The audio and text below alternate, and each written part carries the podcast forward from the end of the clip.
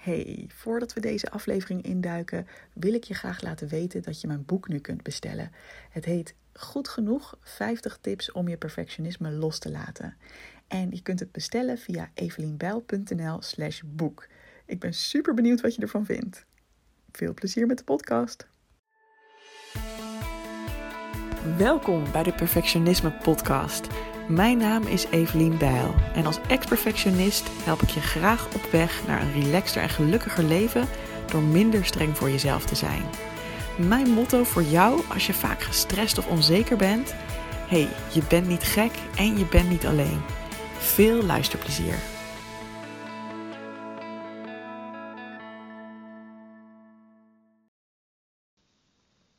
Ja, we zijn live in de Perfectionisme Podcast met een hele leuke gast. Ik heb vandaag Anne van Geels van Lichaam Inzicht bij me. Anne, superleuk om jou te spreken. Kun jij eens kort vertellen wie ben je en wat doe je precies? Ja, nou dankjewel. Ik vind het ook hartstikke leuk. Uh, ik ben dus Anne. Uh, ik ben arts en psychotherapeut. En um, ik begeleid of ik help vrouwen met uh, lichamelijke klachten waar niet een duidelijke medische verklaring voor is. Ja, Cool. En, en ik vind het zo super interessant wat jij doet. Um, en, en wat doe jij op dat gebied? Als mensen denken van ja, hoe help jij die mensen dan? Ja, nou ik doe vooral um, psychologische behandeling, begeleiding. Dus ik focus me vooral op het psychologische stuk. Maar tegelijkertijd, uh, want vaak denken mensen dan, ja, hoezo? Want ik heb toch lichamelijke klachten, dus wat valt daar nou uh, over te, aan te praten of zo? Um, ik heb dus wel een hele brede kijk daarop. Dus ik denk, uh, want, want, mensen gaan dan ook soms in de stijgers dat ze denken van, oh, denk je dan soms dat het allemaal tussen de oren zit of zo? Nee, um, maar ik denk gewoon dat ja, lichamelijke, het psychische en ook trouwens daarbij het sociale, dus je omgeving, dat het allemaal heel erg met elkaar verbonden is, dat het allemaal heel erg met elkaar in relatie staat. Um, dus ik heb wel een hele brede kijk daarop. Ik weet ook wel nou, met mijn achtergrond als arts natuurlijk ook het een en ander over het fysieke. Maar mijn hulp ja, richt zich toch vooral meer op het uh, psychologische stuk. Heel interessant. En wij kwamen in contact. Uh, volgens mij was dat via Instagram. Hè? Klopt het dat jij mij een keer een berichtje stuurde en dat ik toen keek naar wat jij deed? En ik dacht, hé, hey, maar dat is leuk. En dat we best wel wat raakvlakken zagen in ons werk. Ja, zeker, zeker. Ja, ja ik denk sowieso Um, nou ja, het type uh, werk dat we doen. Um, ja, alleen hebben we allebei wel een wat andere doelgroep, om het zo maar te zeggen. Maar uh, ja, ik zag, ik zag ook zeker wel raakvlakken daarin, ja. Ik ook. En daarom dacht ik ook, volgens mij is dit leuk voor een podcast. Omdat uh, als je nu luistert, het hoeft niet eens te zijn dat jij nu zelf op dit moment met medisch onverklaarde klachten zit. Maar ik denk wel dat heel veel van de mechanismes waar jij het over hebt, Anne, heel uh, herkenbaar zullen zijn voor veel perfectionisten. En andersom, Anne, voor jouw doelgroep, denk ik dat voor misschien wel een groot deel ervan, als ik het nu even een beetje zo inschat, dat het zou kunnen kloppen dat er ook wel perfectionisme soms zit. Uh, bij die mensen. Dus luister sowieso ook als je nu denkt: oh ja, maar ik heb toch helemaal geen klachten. Ik denk dat het alsnog een waardevol gesprek voor je gaat worden. Uh, want Anne, ik zag op jouw, uh, jouw site, of misschien was het in jouw e-book, um, dat jij ook iets zei van: ja, ik ging geneeskunde studeren. En toen dacht ik heel duidelijk: zo'n soort arts wil ik niet worden. Kun je daar iets over vertellen? Wat voor soort arts was dat? Ja, nou ja, um, als, uh, als je geneeskunde studeert, op een gegeven moment ga je dan kooschappen lopen. Dus je gaat stages lopen op allerlei afdelingen, vooral in het ziekenhuis. En wat ik daar zag, en ik denk dat veel mensen die in het ziekenhuis ook wel eens geweest zijn, misschien wel herkennen, is dat in onze zorgstelsel is het heel erg opgesplitst in nou ja, een soort van orgaansysteempjes en specialismen. En iedere arts die kijkt heel erg naar, um, nou oké, jij komt met een bepaalde klacht. Uh, dus bijvoorbeeld, je komt met een bepaalde klacht bij de huisarts, stel um, nou, benauwdheid of zo. Dus dan word je naar een longarts gestuurd. En die longarts die heeft eigenlijk een soort van checklist met een aantal aandoeningen die hij kent. Uh, en die gaat dan zijn vragen stellen en misschien nog wat extra onderzoek doen, scan maken of wat dan ook. En dan gaat hij eigenlijk kijken, nou, heb jij iets wat past binnen mijn checklist aan aandoeningen die ik ken? Ja, nou, oké, dan heb ik misschien nog wel een behandeling voor je, een puffje of een pilletje of zo. Nee, nou ja, dan is de conclusie nou, je hebt in ieder geval geen longaandoening. Tabé. En ik dacht, ja, oké, oké, maar de, ik, ik zag van, er blijven dus ook een hele hoop mensen over in die groep van, denk, je hebt geen longaandoening, maar goed, je zit nog wel steeds met die benauwdheid. En dan? Dan word je weer met een kluitje in het riet gestuurd en ik was eigenlijk juist geïnteresseerd in die groep, waar, weet je, waar, waar dan niet per se iets medisch was. Maar ik dacht, eh, ja, eigenlijk best wel gek dat je, dat je niet breder kijkt en dat je niet nieuwsgierig bent van, maar goh, als ze dus geen longaandoening hebben, wat, wat dan wel? Wat is er dan wel aan de hand? Um, dus het was, het was eigenlijk meer, en ik herken dit trouwens heel erg, het was dus eigenlijk meer van, oké, jij komt bij mij, dit is mijn specialisme, dus check, heb jij het ja of nee? In plaats van, hey, hier is een persoon met een bepaalde klacht. Wat is er met deze persoon aan de hand? En hoe kunnen we deze persoon zo goed mogelijk helpen? Was dat het verschil? Ja, exact. Ja. ja. En waarom vond je dat zo uh, belangrijk om naar die hele persoon te kijken? Nou ja, dat is beetje twee dingen. Aan de ene kant vind ik het zelf gewoon interessant. Um, ja, nou, nou, ik denk dat het ook meer is. Ik geloof ook niet dat zo'n hele nauwe blik, dat dat nou echt vaak het antwoord op gaat leveren. Ja, misschien voor een klein groepje wel, maar voor een heleboel mensen niet.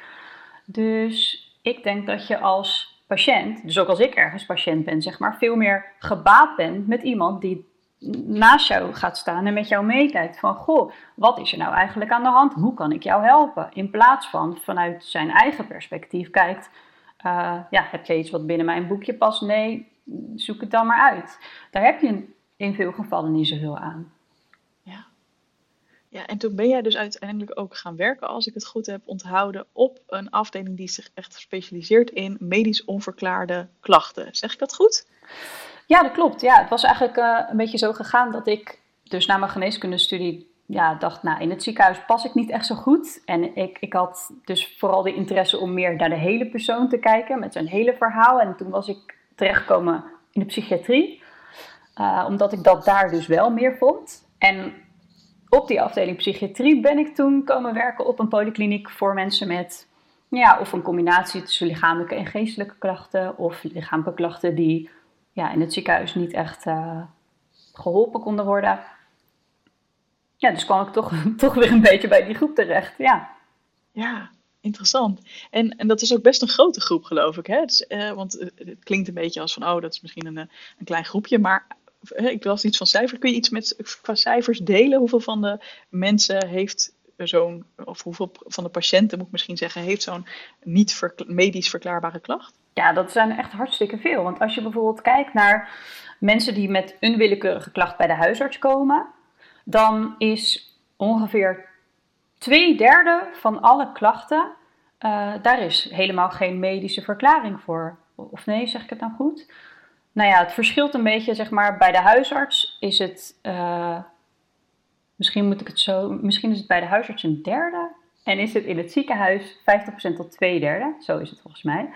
Um, maar in ieder geval onwijs veel. Je denkt misschien in eerste instantie, oh, klinkt als iets super zeldzaams. Hè? Meestal zal er natuurlijk wel gewoon iets, uh, iets, een ziekte aan de grondslag liggen als je een klacht hebt. Dat is een beetje hoe wij ook gewend zijn te denken. Niet alleen als arts word je zo opgevoed of opgeleid, maar in onze maatschappij word je denk ik ook helemaal zo opgevoed. Van je hebt een klacht, je gaat naar de dokter, die weet wat het is. Je hebt een diagnose en dan komt er een oplossing. Terwijl meestal is dat helemaal niet zo eigenlijk dus in het merendeel van de gevallen helemaal niet. Ja, ja super interessant. En, dus, en jij kwam dus op, uh, op die afleiding te werken met deze groep uh, patiënten, noem ik maar even. En um, klopt het dat jij daar toen een bepaald patroon in bent gaan zien? Een bepaalde, dat je dacht, hé, hey, ik, ik, herken hier dingen. Of is dat eigenlijk later ontstaan? Want ik weet dat jij inmiddels je eigen online programma hebt ontwikkeld, hè, waarin je bepaald, mensen echt bepaalde stappen doorneemt om uh, ja, beter of fijner om te gaan met een, een klacht die niet medisch verklaard is. Um, waar is zeg maar dat, die herkenning? Want jij schreef bepaalde eigenschappen op hè, van wat jij vaak terug ziet komen. Was dat al toen of heb je dat later eigenlijk gekoppeld aan elkaar? Um, nou, ik had altijd al wel die interesse om, om, om het toch ergens te kunnen snappen. Om eigenlijk dat ongrijpbare toch te kunnen grijpen. Um, maar wat ik wel geleerd heb in dat werk is um, het is gewoon per persoon heel verschillend. En uh, dus er zijn zeker denk ik wel patronen te ontdekken. En bepaalde eigenschappen die je bijvoorbeeld vaker ziet bij mensen die dat soort klachten hebben. Of bepaalde uh, gedachten of bepaalde manieren van omgaan met klachten. Um, dus daar was ik wel heel erg in geïnteresseerd. Dus dat zag ik op die polykliniek wel terug. Maar ik heb ook onderzoek gedaan naar dit onderwerp. Dus ook op die manier heb ik daar steeds meer over geleerd. En begon ik daar inderdaad wel steeds meer patronen in te zien. Ja. Wat voor patronen zijn dat dan? Wat voor gedrag, wat voor gedachten, wat voor eigenschappen zie jij vaak bij deze groep? Um, nou ja, mijn eigen programma is meer gefocust op een patroon van um, jezelf wegcijferen, om het zo maar te zeggen. Dus mensen die um, eigenlijk altijd gewend zijn of geleerd hebben om vooral te focussen op andere mensen en andere mensen. Uh, voor andere mensen klaar te staan, rekening te houden met andere mensen. Um, nou, te zorgen dat iedereen om hen heen gelukkig is. Zo van, als iedereen om me heen gelukkig is, dan ben ik ook gelukkig. Um, en op zich is daar natuurlijk helemaal niks mis mee. Totdat je misschien op een punt komt dat je zo bezig bent om alles voor iedereen goed te willen doen, dat je jezelf helemaal uit het oog verliest. En dan kan dat een patroon zijn um, dat ja, of voor lichamelijke klachten kan zorgen, of, en dat andere komt denk ik vaker voor, dat op het moment dat je gezondheidsproblemen krijgt, uh, dat, je dat, dat zo'n patroon je herstel in de weg staat.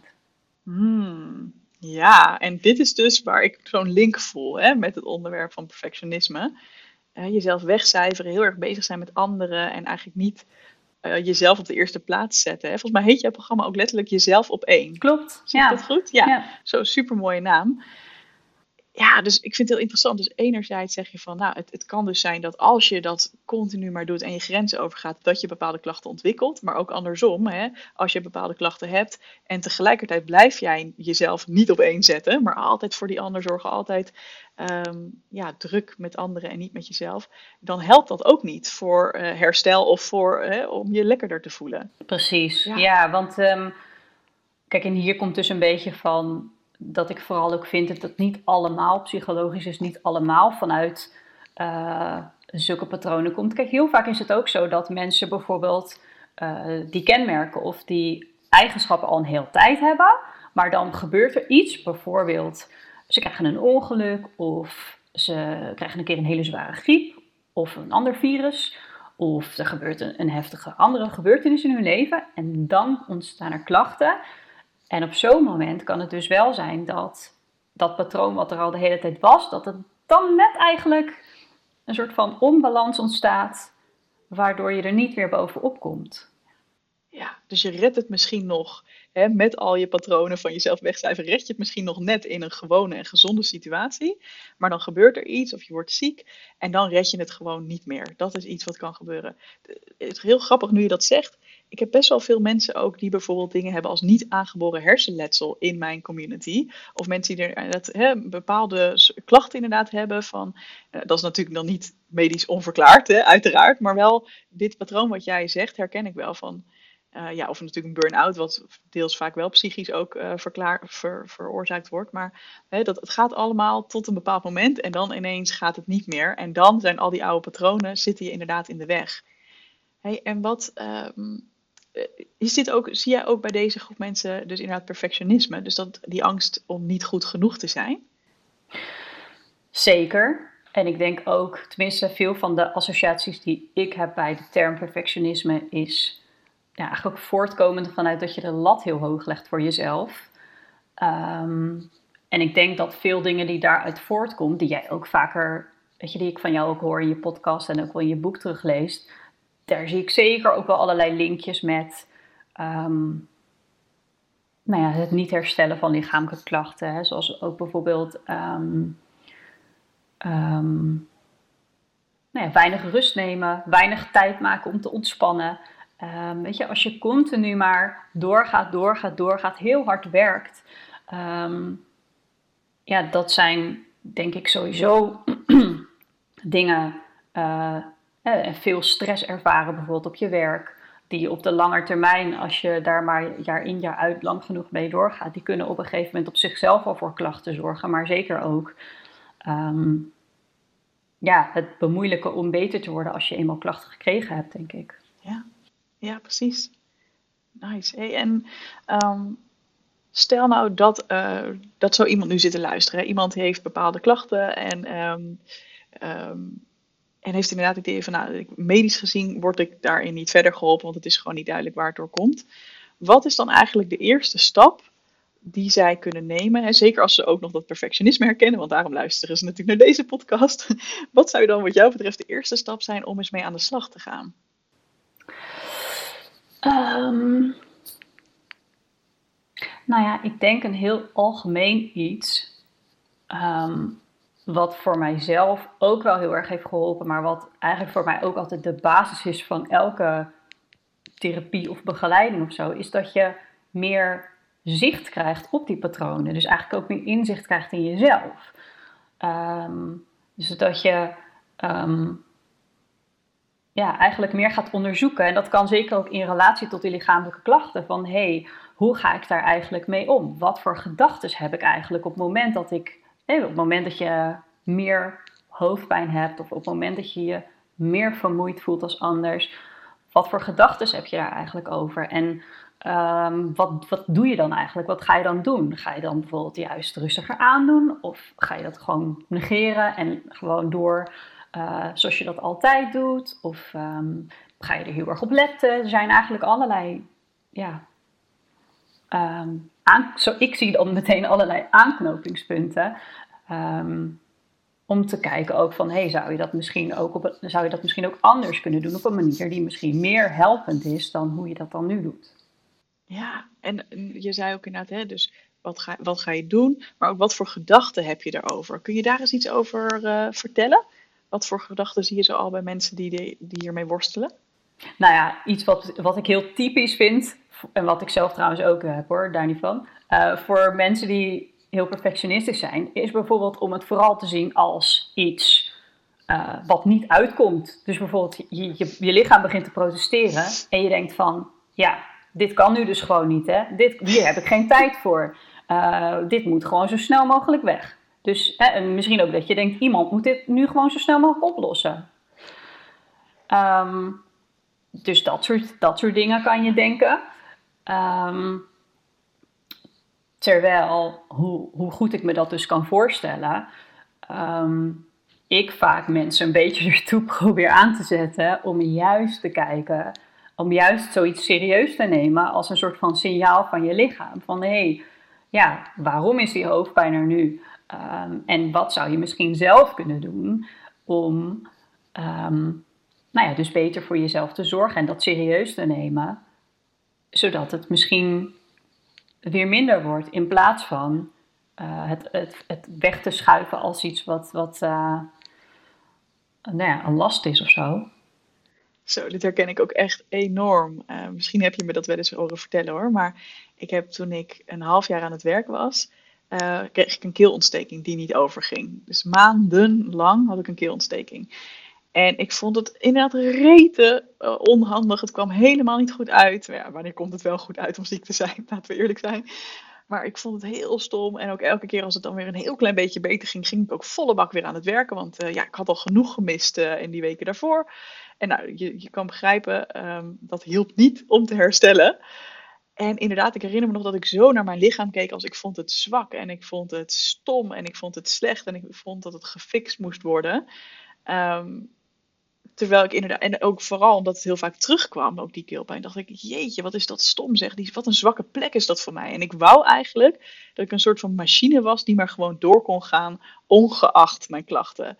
Echt daar, ik keek naar andere mensen met het idee, die kunnen wel gewoon doorgaan. Waarom kan ik dat niet? Dus ik vond mijzelf zwak. En inmiddels zie ik het als, nee, ik heb heel veel geluk gehad dat mijn lichaam dat signaal heeft gegeven. Want daardoor ben ik net niet burn-out geraakt. Ik weet zeker, als ik niet die keelpijn had en toch echt gedwongen was om rustiger aan te doen. En ik was gewoon maar doorgegaan. Dan was ik in een hele dikke burn-out terechtgekomen. Waar ik waarschijnlijk nog veel meer last van had gekregen. Dus ik snap heel erg goed wat jij zegt over.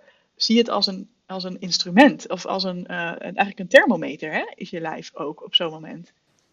Ja, en eh, toevallig had ik het hier laatst over met mijn yoga-juf. En die noemde dat heel mooi. Ze zei uh, zoiets als: luisteren naar het fluisteren van je lichaam. Zodat het niet hoeft te gaan schreeuwen, zeg maar. Dus ehm, wat ik veel zie, überhaupt bij mijn cliënten, maar zeker ook bij mensen die perfectionistisch zijn, is dat ze veel meer eigenlijk vanuit hun hoofd leven dan dat ze zich bewust zijn van wat zich afspeelt in hun lichaam.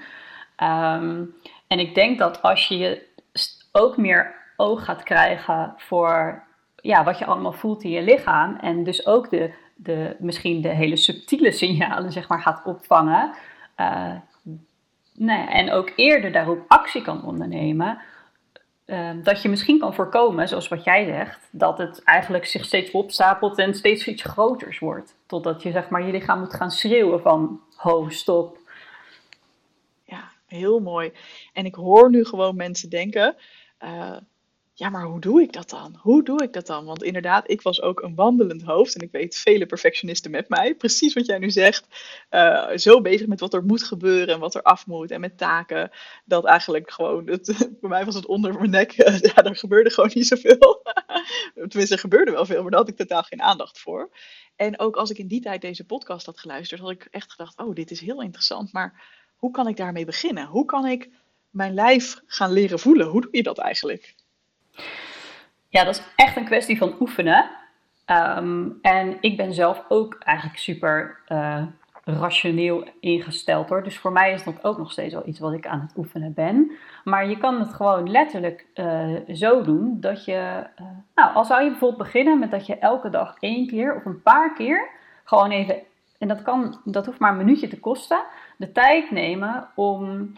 Um, nou ja, dat, dat, dat kan je, daar zou je bijvoorbeeld ook een, een, een meditatie of een mindfulness oefening voor kunnen gebruiken. Je hebt wel zo'n zo'n bekende mindfulness oefening, dat is de body scan. Dus dan ga je eigenlijk met je aandacht, ga je langzaam ja, je hele lichaam scannen, zeg maar. Maar je kan dat ook gewoon doen, uh, ja, weet ik veel, op het moment dat je op de wc zit of zo. Dat je gewoon even heel bewust met je aandacht naar je lichaam gaat. En bijvoorbeeld Um, nou, je kan bijvoorbeeld even heel bewust nagaan van, hé, hey, als ik nu let op mijn ademhaling, is die, gaat die dan heel snel of gaat die langzaam? Of voel ik die heel hoog in mijn borst of adem ik vanuit mijn buik? En nou, als ik, als ik even probeer te voelen naar mijn hartslag, is die dan kalm of, of, of is mijn hart dan een bonzen of zo?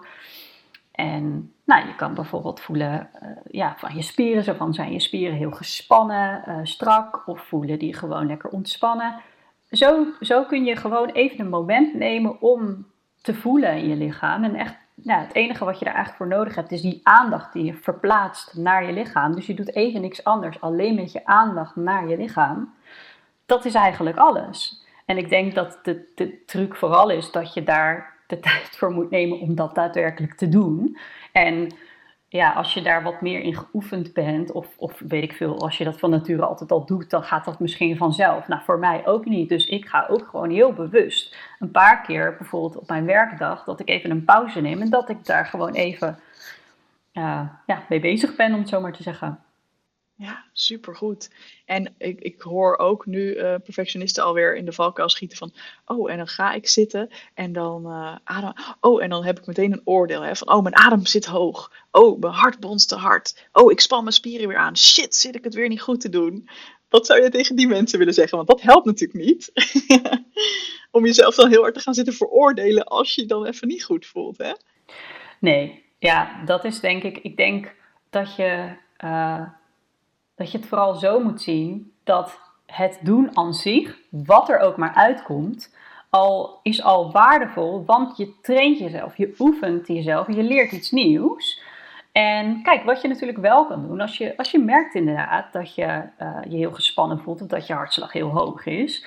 Nou, wat, wat, je dan wel, wat wel heel goed is om te doen, is om even jezelf de vraag te stellen van hé, hey, wat zou mij nu helpen? Wat zou nu fijn zijn voor mijn lijf om um, misschien wel wat rustiger te worden of wat meer ontspannen of meer relaxed me te voelen, dan zou je daarop actie kunnen ondernemen. Ja, dat helpt je natuurlijk meer dan dat je jezelf op de kop gaat geven voor het feit dat je je zo voelt.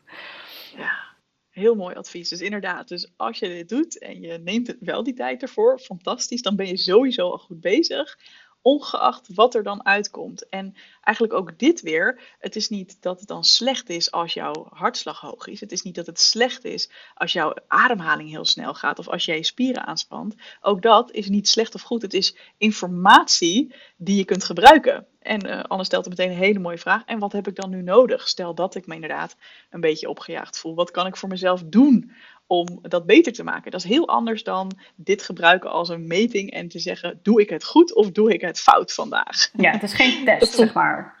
Precies, het is geen test, het is geen toets waar je voor kan zakken of kan slagen. Dat vond ik belangrijk om uh, nog even op door te vragen. Ja. hey, en um, ik ben ook wel benieuwd, hè, want jij bent dit natuurlijk zelf echt gaan doen vanuit jouw, jouw medische professie, zeg maar. Vanuit jouw beroep uh, ben jij ja, gepassioneerd geraakt, denk ik toch wel, voor dit, uh, dit thema. En uh, help jij mensen hier heel graag bij. Maar herken jij perfectionisme ook in jouw eigen leven? Zeker weten.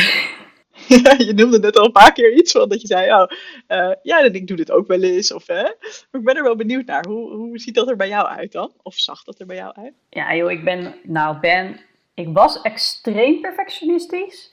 En het is nog steeds, ja, ik zie dat nog steeds wel als een valkuil voor mij. En ik moet zeggen dat het op dit moment in mijn leven op bepaalde levensgebieden stukken, stukken minder is dan pak beet tien jaar geleden. Maar in mijn werk vooral blijft dat toch wel ja, lastig.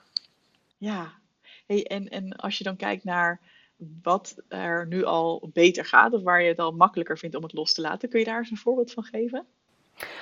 Um, nou, zeker. Nou, bijvoorbeeld uh, huishouden. Vroeger was ik, nou, moest alles in huis van mij spik en span zijn. Uh, ik was nou, heel fanatiek met schoonmaken en opruimen. Uh, nou, dat heb ik inmiddels losgelaten. Daar ben ik veel relaxter in. Daar maak ik me echt niet druk meer over.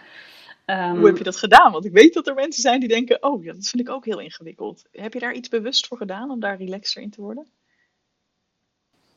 Mm, nou ja, niet specifiek op dat. Ik denk um, dat ik me op een gegeven moment wel gerealiseerd heb, of, of mezelf afgevraagd heb: van ja, hoe belangrijk vind ik dit nou eigenlijk echt? Nou, bleek dus dat ik het eigenlijk, als ik erover nadacht, niet zo heel belangrijk vond. En dat ik het eigenlijk ook best wel zonde vond om daar zoveel tijd aan te besteden. Ja, en wat ik voor mezelf ook wel achtergekomen ben, is dat het soms ook niet zozeer ging om uh, het nette huis zelf, maar dat ik ook nou, op een beetje een dwangmatige manier soms wel kon opruimen. Gewoon omdat ik mezelf dan rustiger voelde. En nu ik me meer bewust ben van wat daar nou eigenlijk onder zit, ja, dan heb ik eigenlijk ook al automatisch minder de neiging om dat te doen. Of ik heb nu andere manieren gevonden om uh, rustig te worden in plaats van om heel dwangmatig te gaan opruimen. Wat lekker! Wat, wat is iets waar jij bijvoorbeeld heel rustig van wordt nu? Vind ik altijd leuk, want ik krijg best wel vaak ook de vraag: ontspannen, ja, maar hoe dan? Weet je wel? Echt mensen die gewoon echt heel veel hebben aan voorbeelden van anderen. Um, nou, ik doe zelf bijvoorbeeld yoga. En dat is dat ik, ik, ja, ik ben er zelf best wel fan van. En ik adviseer dat ook nou, adviseer niet, maar ik, ik pro promote het wel ik al een beetje onder mijn eigen cliënten, omdat ik het ook een onwijs mooie manier vind. Niet alleen uh, om te ontspannen of om je rustiger te voelen, maar ook om heel erg weer in contact te komen met je lijf eigenlijk. Omdat je daarbij, met dat je je lijf aan het bewegen bent en ook aan het voelen bent van, goh, wat gebeurt er als ik een bepaalde houding inneem. Um, ik denk dat dat ook heel waardevolle informatie weer kan opleveren.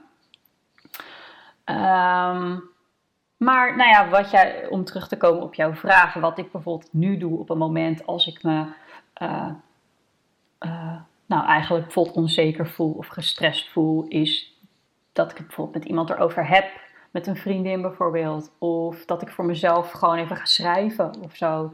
Uh, en dat levert vaak alweer een soort van helderheid of een soort rust op dat je iets meer met een afstandje eigenlijk kan kijken naar wat je aan het doen bent. In plaats van dat je heel erg in je hoofd gaat zitten en maar blijft piekeren bijvoorbeeld. Of heel erg jezelf gaat afleiden. Uh, ja, dat helpt mij in ieder geval meestal niet zoveel verder. Precies, ja, mooie tips. Lekker uh, ook, hè? yoga is heerlijk. Uh, eigenlijk even steun zoeken en je verhaal delen. Maar ook voor jezelf dingen opschrijven. En daar gewoon even de tijd ook voor nemen. In plaats van maar gewoon te gaan. Ja, dat zijn mooie dingen. En ik ben dan ook wel heel benieuwd als je zegt, oh ja, in mijn werk heb ik het toch wel een beetje. Wil je daar iets over vertellen? dan moet ik uit gaan kijken dat ik je niet ga zitten coachen, want dat is natuurlijk niet de bedoeling van deze podcast. Ik vond het zelf, ik moest al een beetje lachen om mezelf vanochtend. Want uh, het was compleet gaande in voorbereiding op dit interview. Ik uh, dacht vanochtend van, nou, um, ja, laat ik me een beetje voorbereiden op wat ik eventueel wil gaan zeggen of wat jij zou gaan vragen. Um, maar ja, toen, toen, sloeg ik daar een beetje in door. Dus ik, ik begon allemaal gedachten te krijgen van... ja, maar oh god, straks heb ik helemaal niks waardevols toe te voegen... of straks zeg ik wat verkeerd of straks vragen ze me wat en weet ik het antwoord helemaal niet. Dus een soort van lichte paniek sloeg toe. En uh, dus ik ging van alles lezen en zo. Toen verzandde ik daar helemaal in en toen ineens keek ik op de klok en ik dacht shit, uh, ik, zou, ik zou gaan lunchen met mijn moeder en mijn broertje. Ik dacht shit, ik moet al bijna weg en ik ben nog helemaal niet... Nou, zo ging het. En toen, op dat moment dacht ik ineens... Oh ja, wacht eens even. Wat een ironie. Ik, ben, ik ga straks geïnterviewd worden over perfectionisme. En ik zit er compleet middenin. ik vind het zo'n leuk verhaal. Ik vind het zo, zo herkenbaar ook. En uh, we hadden het ook al heel kort even voordat we uh, gingen opnemen dat we ook allebei zeiden van ja, dat je dan ook wel eens kan denken van goh, en ik ben degene die andere mensen altijd vertelt van joh, wees relaxed voor jezelf. En ik herken dat hoor. En dat je dan toch zelf eh, soms in zo'n fuik kan terechtkomen dat je denkt, oh ja, en ik ben degene die altijd andere mensen aanraadt dat het allemaal niet perfect hoeft of dat ze wel ja, liefdevol met zichzelf om mogen gaan of zo hè. ja, herkenbaar, herkenbaar. Leuk. Uh, maar als ik je zo erover hoor praten, dan kun je het ook wel relativeren. Nou ja, ik denk het moment dat ik dit opeens me realiseerde, toen viel er al wel wat van me af. En, um, nou ja, wat ik bijvoorbeeld, um, nou weet ik veel, vijf jaar geleden in dit geval waarschijnlijk had gedaan, was dat ik had gedacht, ja, nou ja, die lunch, dat kan dus maar niet doorgaan. Want ik heb gewoon extra tijd nodig om me voor te bereiden. Ik moet nog meer lezen, ik moet nog meer voorbereiden.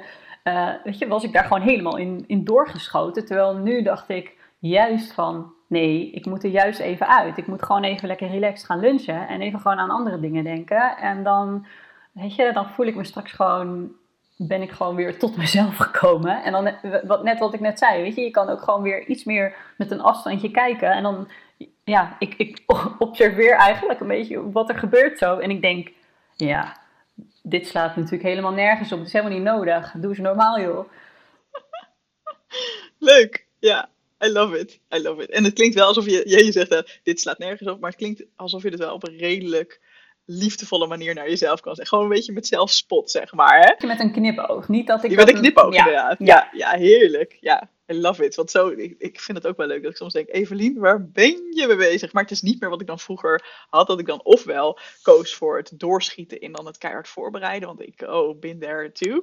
Uh, ofwel dat ik dan dacht, doe even normaal. En dan heel serieus, doe even normaal. Dit slaat al nergens op. Waarom kan je niet gewoon relaxed dat interview ingaan, weet je wel? Nou, dat is natuurlijk ook uh, weer die, die, wat ik altijd noem de kritische rechter, die dan lekker doorschiet. Dus uh, ik, ik, vind het wel leuk, want eigenlijk er zitten heel waardevolle tips in wat je deelt over het werk dat jij doet inhoudelijk, maar ook in jouw eigen verhaal. Uh, denk ik echt, oh heerlijk, kan niet wachten tot mensen dit gaan horen. um, als we lichtelijk naar de afronding toe gaan, hè, is er nog iets waarvan je denkt, oh dat is nog wel een bepaalde misvatting of iets wat ik graag de wereld uit wil helpen over bijvoorbeeld medisch onverklaarde klachten? Oh, nou ja, ik denk dat we er best wel wat al wel een beetje over gehad hebben. Um, nou, ik kom er nu even niet op, maar ik heb er een blogje over geschreven met een stuk of acht of zo. Dus als je nu naar bent, kunnen mensen dat opzoeken. Precies, die zag ik. Daarom, ik vond het zo leuk. Ze schieten, nu even niet, uh, ze schieten me nu even niet te binnen. Wacht, ik pak hem er gewoon even bij. Want ik vond dat je daar hele mooie dingen... Ik zat namelijk het allemaal te lezen. Iedereen moet trouwens even jouw e-book downloaden. En ook jouw blog lezen. Waar kunnen ze je e-book downloaden? Wat is de link? Uh, mijn website is www.lichaaminzicht.nl en uh, daar kun je inderdaad via die website kun je mijn e-book downloaden. Ja, dat is echt een aanrader, want ik heb er zelf al hele mooie dingen uitgehaald. Um, en ik zag ik inderdaad ook een blog over. Ik ga hem er gewoon even bij pakken ja, acht misvattingen. Want ik vond dat je er hele leuke dingen in had.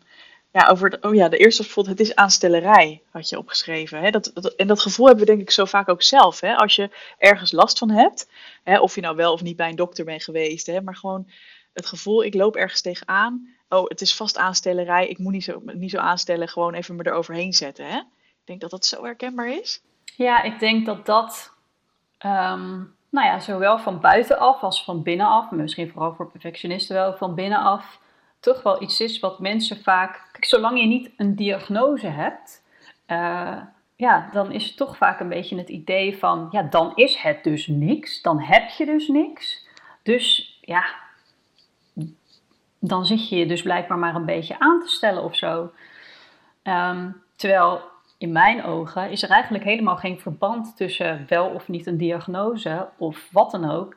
Jij ervaart die klachten zoals jij ervaart. Niemand anders kan het voelen zoals jij het voelt. En als jij elke dag last hebt van pijn of, of elke dag uh, je, ontzettend vermoeid en uitgeput voelt, ja, dat is gewoon, dat heeft gewoon een enorme impact op je hele leven. Dus of daar nou wel of niet een medische diagnose aangekoppeld is, doet voor mij helemaal niet af aan. Um, ja, of je iets serieus moet nemen. Of, of ja, sowieso. Ik bedoel, iets als aanstellerij bestempelen is denk ik nooit behulpzaam, maar goed. Oh, ik vind het zo fijn en ik ben ook eigenlijk heel blij dat we deze nog even erbij hebben gepakt. Want ik voel dat ook zo vaak inderdaad bij perfectionisten. Van ja, wanneer mag ik mij bijvoorbeeld ziek melden? Of wanneer mag ik een afspraak afzeggen met een vriendin?